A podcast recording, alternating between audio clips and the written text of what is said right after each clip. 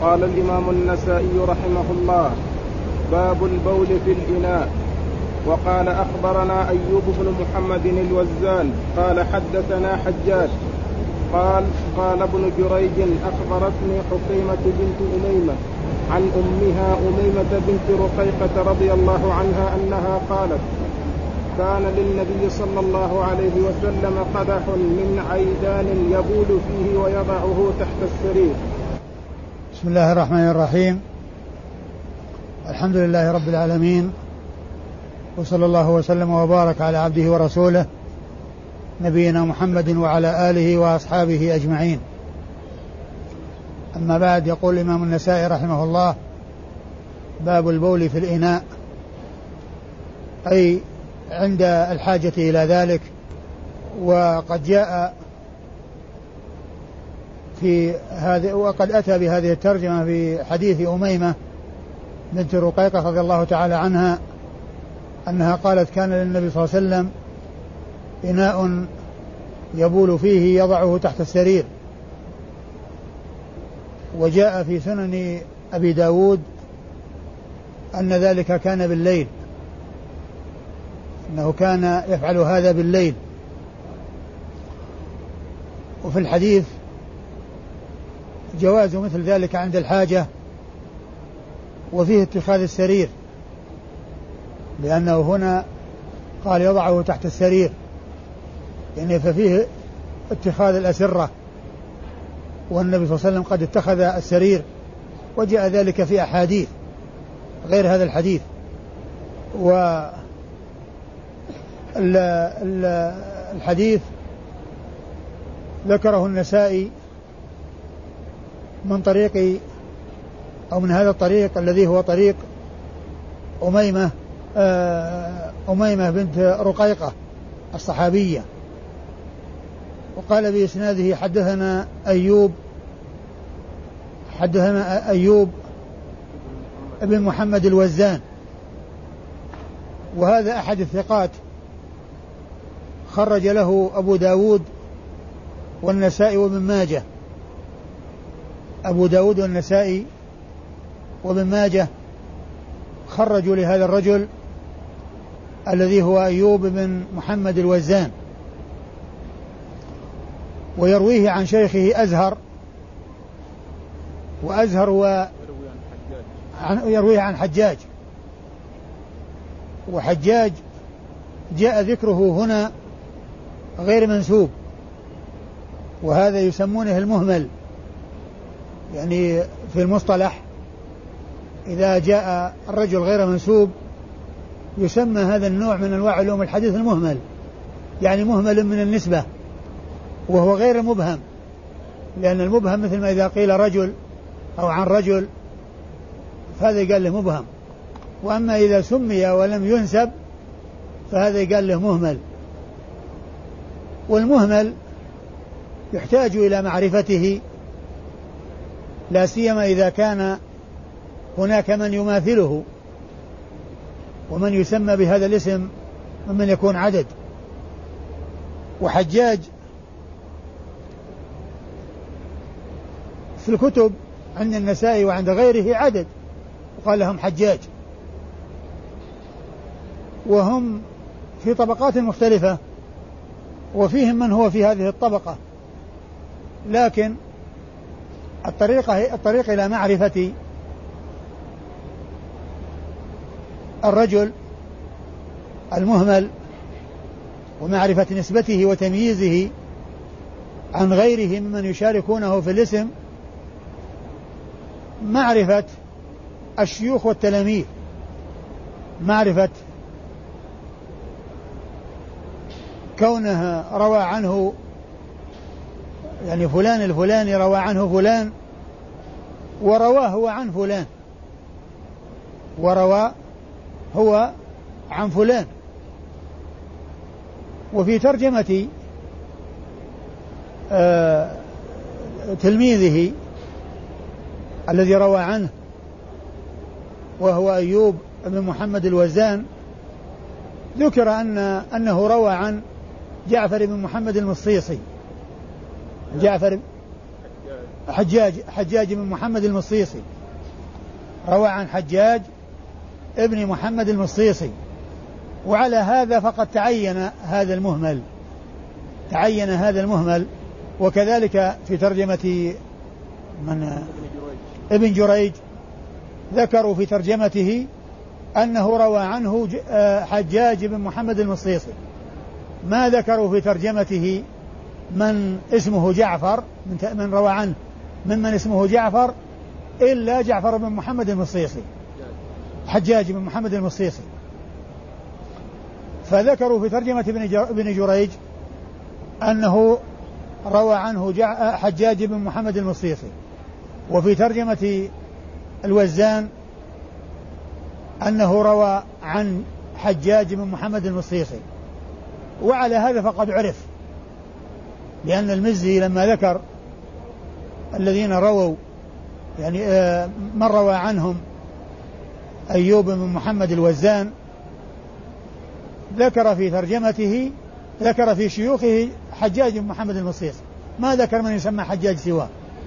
وفي ترجمة ابن جريج ذكر أن ممن روى عنه حجاج بن محمد المصيصي ما ذكر في ترجمة في تلاميذه من روى عنه اسمه حجاج سوى هذا. إذا عرف هذا المهمل.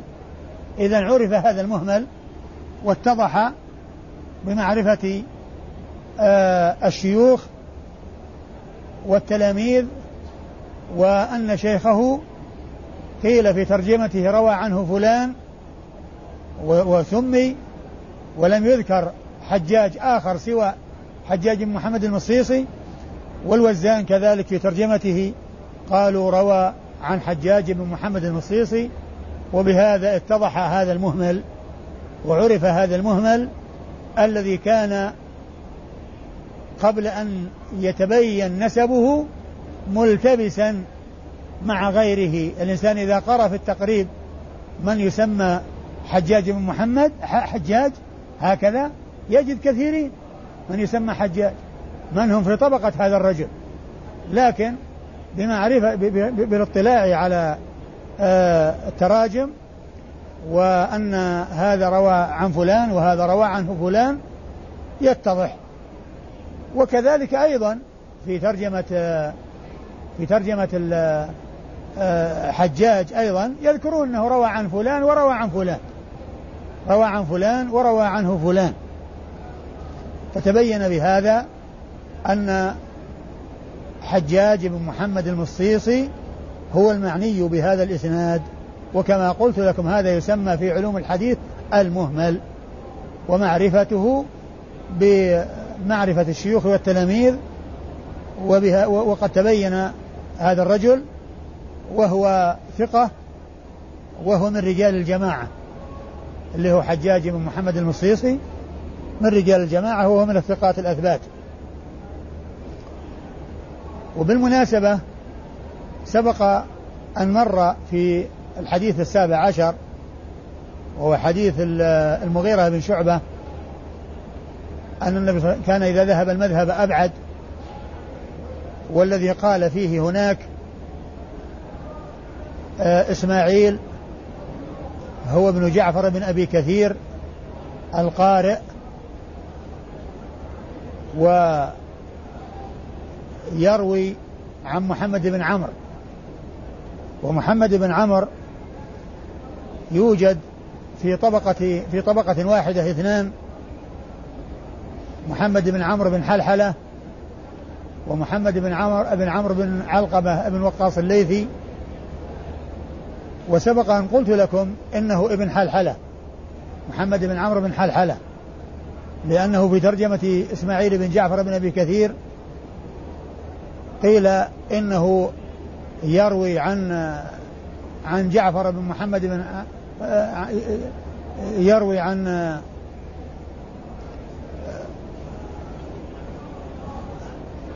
يروي عن محمد بن عمرو بن حلحلة وعن محمد بن عمرو بن علقمة وعن محمد بن عمرو بن علقمة. ولكن في ترجمة أبي سلمة الذي هو شيخ محمد بن عمرو هذا الذي الذي قال له مهمل يعني مهمل بالنسبة للجد لأنه اتفق الاسمان ولكنه ما عرف تعيين أيهما. ذكر في ترجمة أبي, أبي, أبي سلمة بن عبد الرحمن بن, بن عوف أن أنه روى عنه محمد بن عمرو بن علقمة وما ذكر في تلاميذه محمد بن عمرو بن حلحلة. فإذا يكون محمد بن عمرو بن علقمة وليس محمد بن عمرو بن حلحلة. لأن لأنه ما ذكر في, في تهذيب التهذيب ما ذكر في تهذيب الكمال من تلاميذ محمد من تلاميذ أبي أبي سلمة ابن عبد الرحمن محمد بن عمرو بن حلحلة وإنما ذكر محمد بن عمرو بن علقمة. ومحمد بن بن عمرو بن حلحلة كما عرفنا سابقا هو ثقة. وأما محمد بن عمرو بن علقمة فهذا قال عنه الحافظ في التقريب أنه صدوق أنه صدوق آه، له أوهام وقد خرج حديثه الجماعة اللي هو محمد بن عمرو بن علقمة ابن وقاص الليثي خرج حديثه الجماعة أصحاب الكتب الستة. آه قلت هذا بمناسبة آه هذا الكلام على حجاج بن محمد المصيصي. إيش بعده؟ شيخه؟ عن ابن جريج. وعبد وابن جريج هو عبد الملك ابن عبد العزيز المكي. عبد الملك ابن عبد العزيز المكي. وهو ثقة. وعن عن حكيمة بنت أميمة. تروي عن أمها أميمة بنت رقيقة. وهذا وهذه الأسماء الثلاثة كلها مصغرة كلها على صيغة فعيلة حكيمة وأميمة ورقيقة كلها على صيغة واحدة وعلى صيغة فعيلة. حكيمة بنت أميمة وأميمة بنت رقيقة كلها على وزن واحد وعلى صيغة واحدة. أما حكيمة بنت رقيقة التي بنت أميمة التي يروي عنها ابن جريج فقد روى لها أبو داود والنسائي. خرج حديثها أبو داود والنسائي. والحافظ في التقريب قال لا تعرف. في ترجمتها قال لا تعرف. و في تهذيب التهذيب ذكر أن ابن حب ابن حبان أوردها في الثقات في كتابه الثقات. أوردها في كتابه الثقات. وجاء أيضا أن ابن حبان خرج حديثها في صحيحه. لكن ابن حبان كما هو معلوم من طريقته في الثقات أنه قد يذكر في الثقات من يذكره في الضعفاء. يعني يذكر في كتابه الثقات من يذكره في كتابه الضعفاء. ولهذا فإن توثيقه وحده يعني فيه نظر عند بعض العلماء وإن كان بعضهم يعتبره. وأما أمها أميمة فهي صحابية. والصحابة كما هو معلوم لا يسأل عنهم ولا يحتاج إلى معرفتهم. بل الرجل المبهم أو المرأة المبهمة إذا أضيف إذا ذكر أن أنهم من الصحابة فذلك كاف في قبول حديثه لأن الصحابة لا يسأل عن عدالتهم وعن توثيقهم. لأن الله تعالى عدلهم وعدلهم رسوله صلى الله عليه وسلم فلا يحتاجون إلى تعديل المعدلين بعد ثناء الله عز وجل وثناء رسوله عليهم. وغيرهم هم الذين يحتاجون إلى التوثيق والتعديل والتجريح وأما الصحابة فلا يسأل عنهم بعد ما يقال إنه صحابي يكفيه نبلا وشرفا وفضلا أن يوصف بأنه صحابي. ف حكيمة. يعني كما قال الحافظ إنها لا تعرف ومعنى هذا إنها مجهولة. والحديث صححه الألباني في صحيح أبي داود وفي صحيح النسائي وقال عنه حسن صحيح في سنن أبي في سنن النسائي صحيح سنن النسائي. ولا أدري يعني يعني وجه حكمه عليه بالصحة. هل هو لكون له طرق وشواهد أخرى لا ندري عنها؟ أو أنه يعني أو أنه أو أنه يوثق أو أن أنه يعتبر من وثقه ابن حبان يعني أنه معتبر. لا أدري عن الحقيقة والواقع في هذا. وهذه أول شخص يمر بنا في سنن النسائي يقال إنه لا يعرف. يقال فيه إنه مجهول. أول شخص يمر بنا هو هذه المرأة التي هي حكيمة بنت أميمة التي روى عنها ابن جريج وروت عن أمها أميمة بنت رقيقة الصحابية رضي الله تعالى عنها. قال البول في التصف.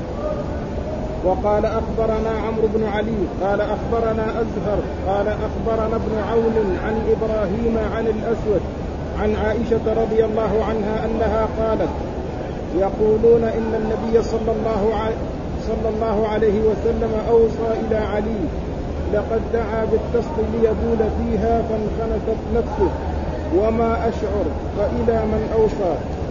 ثم الشيخ أزهر هو ابن سعد السمان. ثم أورد النسائي هذا الباب وهو باب البول بالطست. والطست إناء. وجاء ذكر أو محل الشاهد في التر... جاء جاء الحديث حديث عائشة رضي الله عنها في قصة مرض النبي صلى الله عليه وسلم. المرض الذي توفي فيه عليه الصلاة والسلام وأنه دعا بالطشت ليبول فيه وأنها انخنثت نفسه يعني بمعنى أنها ارتخى وحصل الموت وما تشعر بأنه مات. يعني رأت حصول الارتخاء في آه، جسده وخرجت نفسه عليه الصلاة والسلام وهو على صدرها.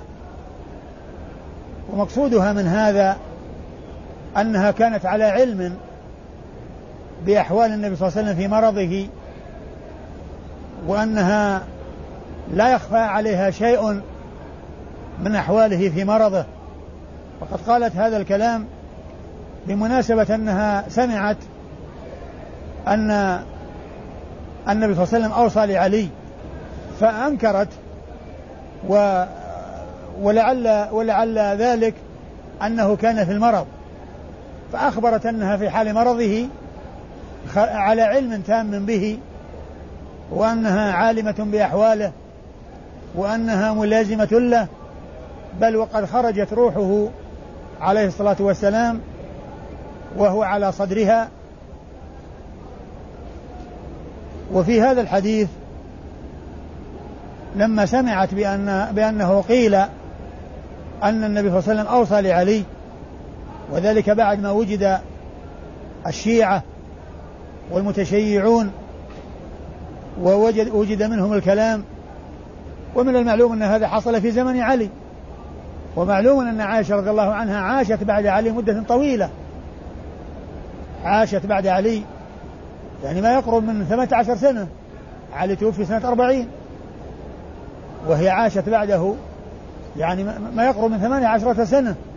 بمعنى أنه وجد في ذلك الزمان الشيعة الذين كانوا يتكلمون وكما هو موجودين في زمن علي. فهي لما سمعت أنه أوصى لعلي ولعل ذلك أنه كان في في مرض موته بينت الحالة التي كان عليها في مرض موته وأنها كانت على علم به وأنها كانت ملازمة له وأنه في الوقت الذي خرجت روحه كان على صدرها وأنه دعا بالطست ليبول فيه فانخنثت نفسه يعني معناه أنه ارتخى ارتخت أعضاؤه بسبب الموت وما أشعر أنه مات كما جاء في بعض الروايات وما أشعر أنه مات. يعني آه، يعني حصل هذا الارتخاء وما تشعر أنه مات ومات عليه الصلاة والسلام في هذه الحال. هذا الارتخاء والانخناث الذي حصل وكونه آه، ارتخت أعضاؤه عليه الصلاة والسلام ولم يملك نفسه ومال عليه الصلاة والسلام وخرجت روحه في تلك الحال. قالت فمتى أوصى وكيف أوصى؟ تنكر على هؤلاء الذين قالوا هذه المقالة. ومن المعلوم أن النبي عليه الصلاة والسلام ما أوصى لا لأبي بكر ولا لعلي ولا لغيرهما. وقد جاء في ذلك أحاديث تدل على هذا. يعني مثل ما جاء في حديث عمر في قصة وفاته لما قيل له استخلف قال إن أستخلف إن أستخلف فقد استخلف من هو خير مني. يعني أبا بكر. وإن لم أستخلف فقد استخلف من هو خير يعني رسول الله عليه الصلاة والسلام. فالرسول لم يستخلف يعني ما عين أحدا بالاسم. ما قال فلان الخليفة بعدي. ولكنه جاء عنه ألفاظ وجاء عنه آه، أمور آه، مشعرة وموضحة. بأن الأحق بالأمر من بعده أبي بكر. بل قد جاء في الصحيح أن النبي عليه الصلاة والسلام قال لعائشة ادعي لأباك وأخاك لأكتب له كتابا فإني أخشى أن يقول قائل أو يتمنى متمني. ثم قال ويأبى الله والمسلمون إلا أبا بكر. يعني ما أنا ما بحاجة للكتاب. المسلمون سيجتمعون على خيرهم ولا يحتاج الأمر إلى كتاب. فهذا يعني آه إشارة واضحة جلية بأن الله تعالى قدر وأن قدر بأنهم سيجتمعون على هذا الرجل وأن أنه يأبى الله والمؤمنون إلا أبو بكر. يعني ما قال الخليفة بعد أبو بكر؟ ولكنه جاء عنه شيء يدل على أنه الأولى. وأن هذا الأمر سيتم برضا من المسلمين وباتجاه من المسلمين وباجتماع من المسلمين عليه دون أن يكون هناك نص لأن لو كان هناك نص ما في مجال للرأي ولا في مجال للاختيار. لكن لما كان لم يكن هناك نص والمسلمون سيجتمعون على خيرهم معنى هذا أنه برضا وأنه باتجاه منهم وبرغبة منهم وأنه لم يكن هناك تعيين لا يكون لهم مجال للاختيار. إذا جاء نصوص واضحة الدلالة على أن أبا بكر هو الأحق وكذلك في مرض موته عليه الصلاة والسلام. أمر أبا بكر بأن يصلي بالناس ولما فاوضت أو راجعت حفصة يعني وعائشة يعني في ذلك الرسول صلى الله عليه وسلم قال مروا أبا بكر فليصلي بالناس. ولهذا اعتبروا هذا دليل وإشارة قوية إلى أنه الأحق من بعده بالأمر. ولهذا قال له عمر رضيك رسول الله صلى الله عليه وسلم لأمر ديننا أفلا نرتضيك لأمر دنيانا؟ أفلا نرتضيك لأمر دنيانا؟ وكذلك أيضا ما جاء عنه في مرض موته وفي قبل أن يموت بخمس كما جاء في حديث جندب بن عبد الله البجلي في صحيح مسلم. قال سمعت رسول الله صلى الله عليه وسلم قبل أن يموت بخمس خمس ليالي فقط. يقول إني أبرأ إلى الله أن يكون لي منكم خليل فإن الله اتخذني خليلا كما اتخذ إبراهيم خليلا. ولو كنت متخذا من أمتي خليلا لاتخذت أبا بكر خليلا. ثم قال ألا وإن من كان قبلكم؟ كانوا يتخذون قبور أنبيائهم وصالحين مساجد. ألا فلا تتخذوا قبور مساجد؟ فإني أنهاكم عن ذلك. فكونه صلى الله عليه وسلم قال هذه المقالة في حق أبي بكر قبل, قبل أن يموت بخمس هذا فيه إشارة إلى أنه الأولى من بعده بالأمر. إني أبرأ إلى الله أن يكون لي منكم خليل. فإن الله اتخذني خليلا كما اتخذ إبراهيم خليلا. ولو كنت متخذا من أمتي خليلا لاتخذت أبا بكر خليلا. هذا من الأدلة الواضحة ال ال ال ال التي فيها الإشارة القوية لأنه قال هالكلام قبل أن يموت بخمس ليالي في مرض موته عليه الصلاة والسلام. فهذا يعني فيه إشارة قوية إلى أنه لحق من بعده. وكذلك الحديث الذي فيه أنه أنها جاءت امرأة وقالت يا رسول الله ووعدها أن تأتيه. قال ترأيت إن أتيت فلم أجدك؟ كأنها تريد الموت. فقال ائتي أبا بكر. والحديث الذي أيضا يقول فيه الرسول صلى الله عليه وسلم اقتدوا بالذين من بعدي أبي بكر وعمر.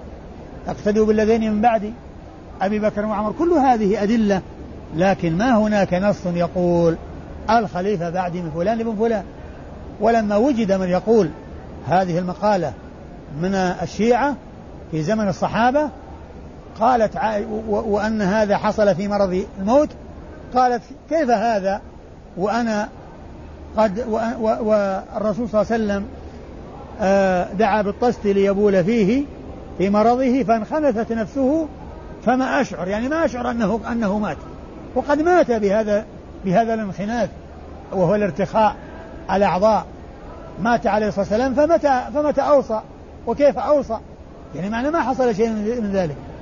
ما حصل شيء من ذلك. ثم أيضا مما يدل دلالة واضحة أن علي رضي الله عنه وأرضاه ما قال إنني صاحب الأمر وأن الرسول أوصى إلي وما أظهر هذا للناس وما قال هذا للناس. ما قال هذا للناس. و...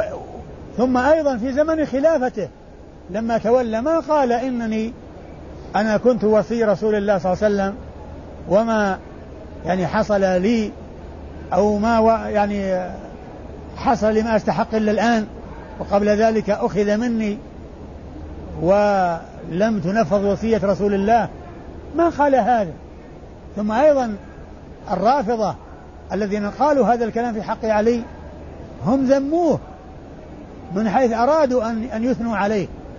لأنه يعني وصفوه بأنه غير شجاع مع أنه معروف بالشجاعة والقوة ومعنى معنى ذلك أنه سكت وما راح يتكلم وما طالب بحقه وما أظهر وصيته وما قال إنني أنا الوصي فكيف تولون غيري؟ يعني معناه أنه الرجل الشجاع المعروف بشجاعته وقوته وأنه لا تأخذه الحق لومة لائم يسكت عن شيء أعطاه إياه رسول الله صلى الله عليه وسلم يعني هذا فيه ذم لعلي رضي الله عنه من الرافضة لأنه لو كان هناك شيء من ذلك لا طالب به ولم يسكت. وقال الرسول وصى فأنتم نفذوا وصية رسول الله. وفي وقت السقيفة أيضا وفي زمن اجتماع في السقيفة ما قال أحد. لما راحوا يتفاوضون بين الأنصار والمهاجرين ويكون من هنا أو من هنا ما قال أحد منهم ما في حاجة للكلام. الرسول وصى لعلي. ما أحد قال هذا الكلام. علي ما قال هذا وأحد من الصحابة ما قال هذا. فكل هذه أدلة تدل على على بطلان هذا الكلام الذي يقوله الرافضة في حق علي رضي الله تعالى عنه وأرضاه.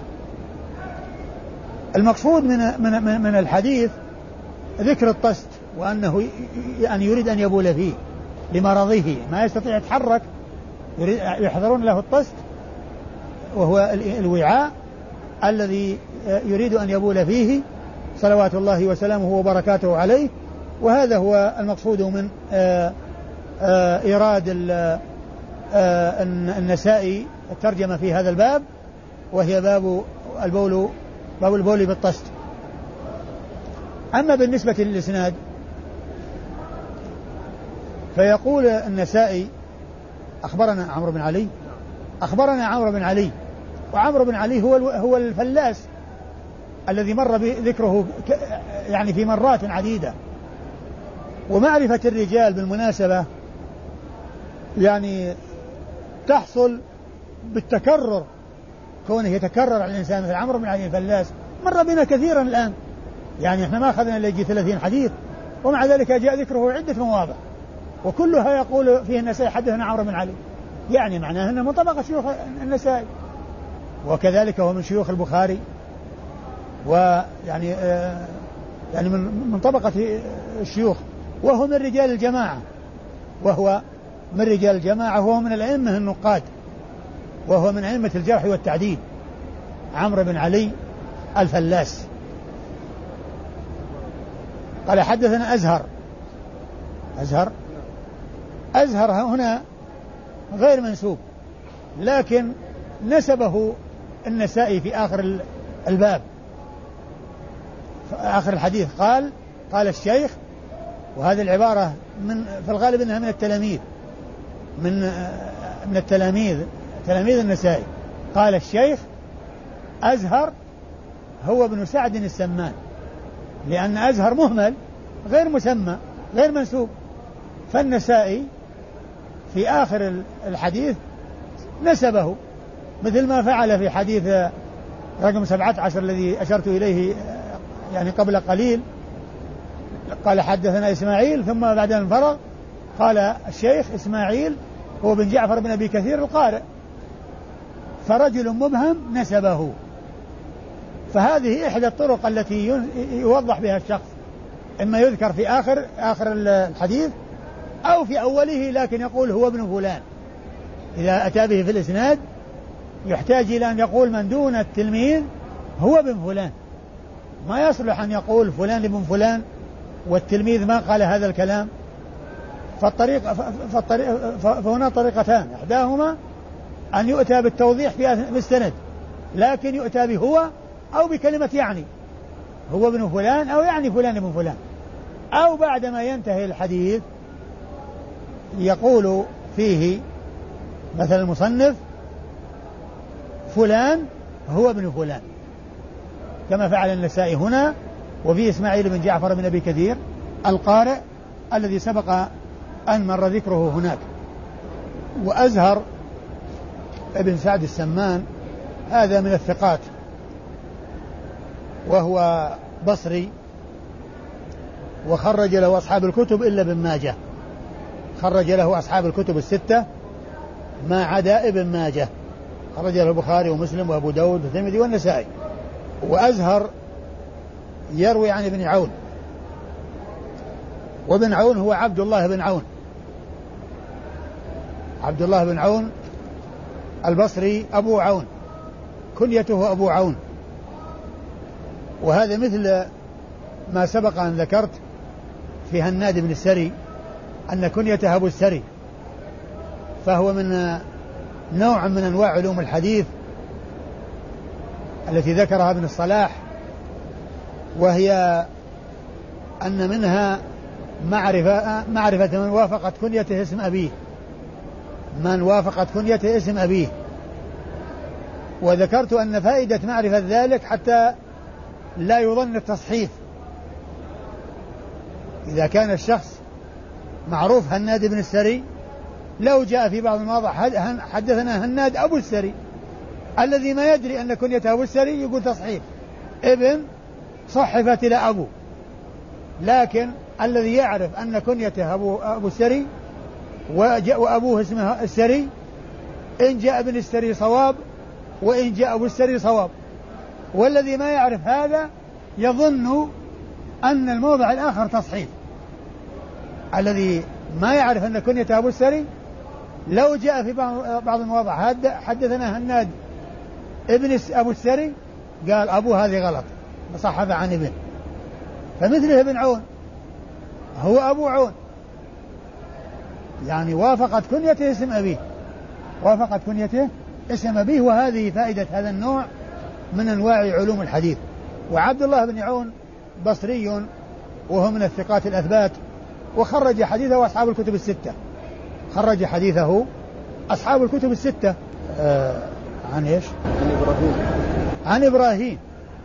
وإبراهيم هذا يروي عن الأسود. وإبراهيم هو ابن يزيد بن قيس بن الأسود النخعي الفقيه المشهور الثقة الحافظ مشهور بالفقه ومشهور بالحديث مشهور بالفقه ومشهور بالحديث.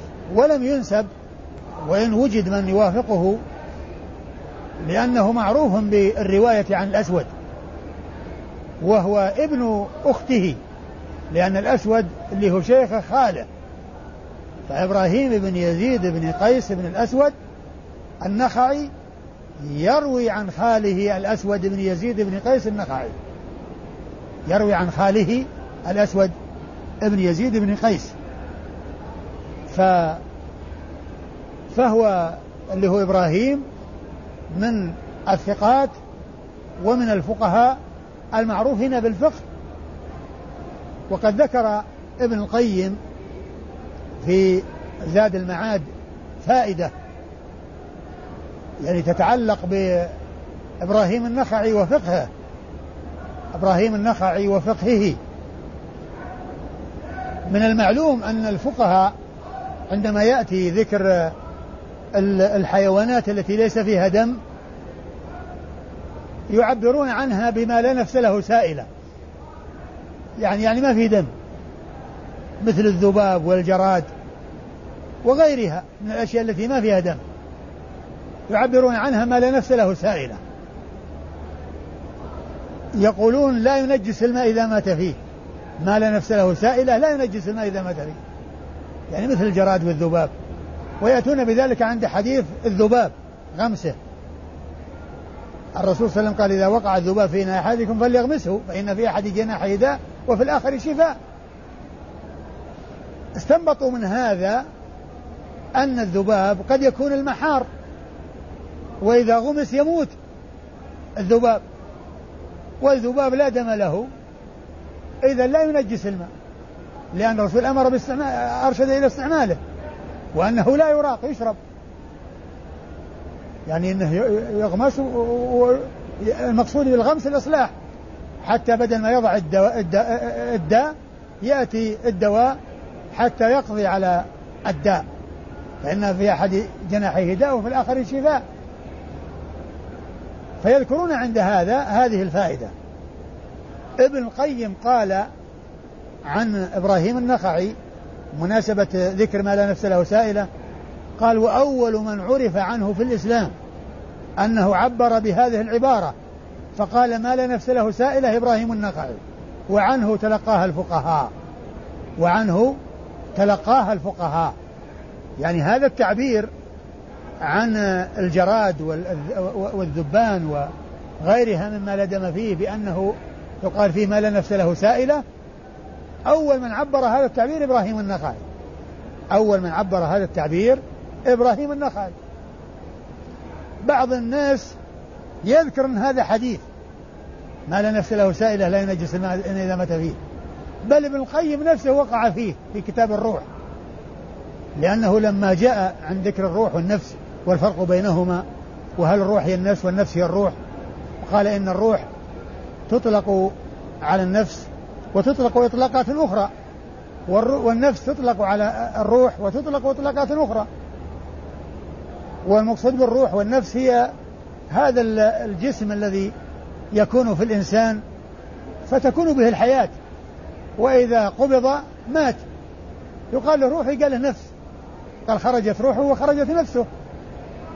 لكن كلمة النفس تأتي لمعاني أخرى لا تأتي لها الروح. ومن ذلك الدم.